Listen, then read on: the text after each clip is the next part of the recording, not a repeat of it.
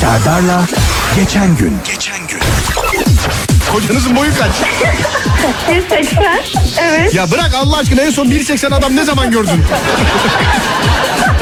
Kilosu kaç kocanızın? 69 79 evet. 1.80'e 69 kilo.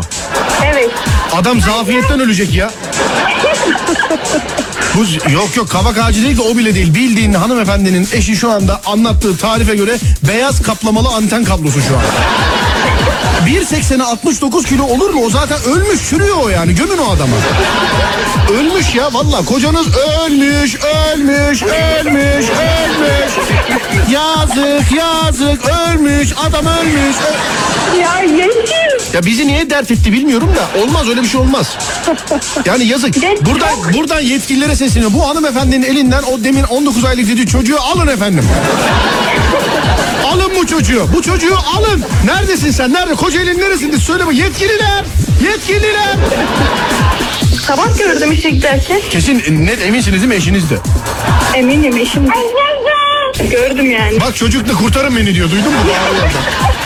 Anne imdat! Dedi duydun mu? İmdat! İmdat! Öyle dedi. Çok yiyor, çok yiyor Serdar. Şarkı söyleyeyim mi Serdar? Çok yiyor Serdar. O kadar da yiyor ki 1.80'e. Serdar'la geçen gün. Geçen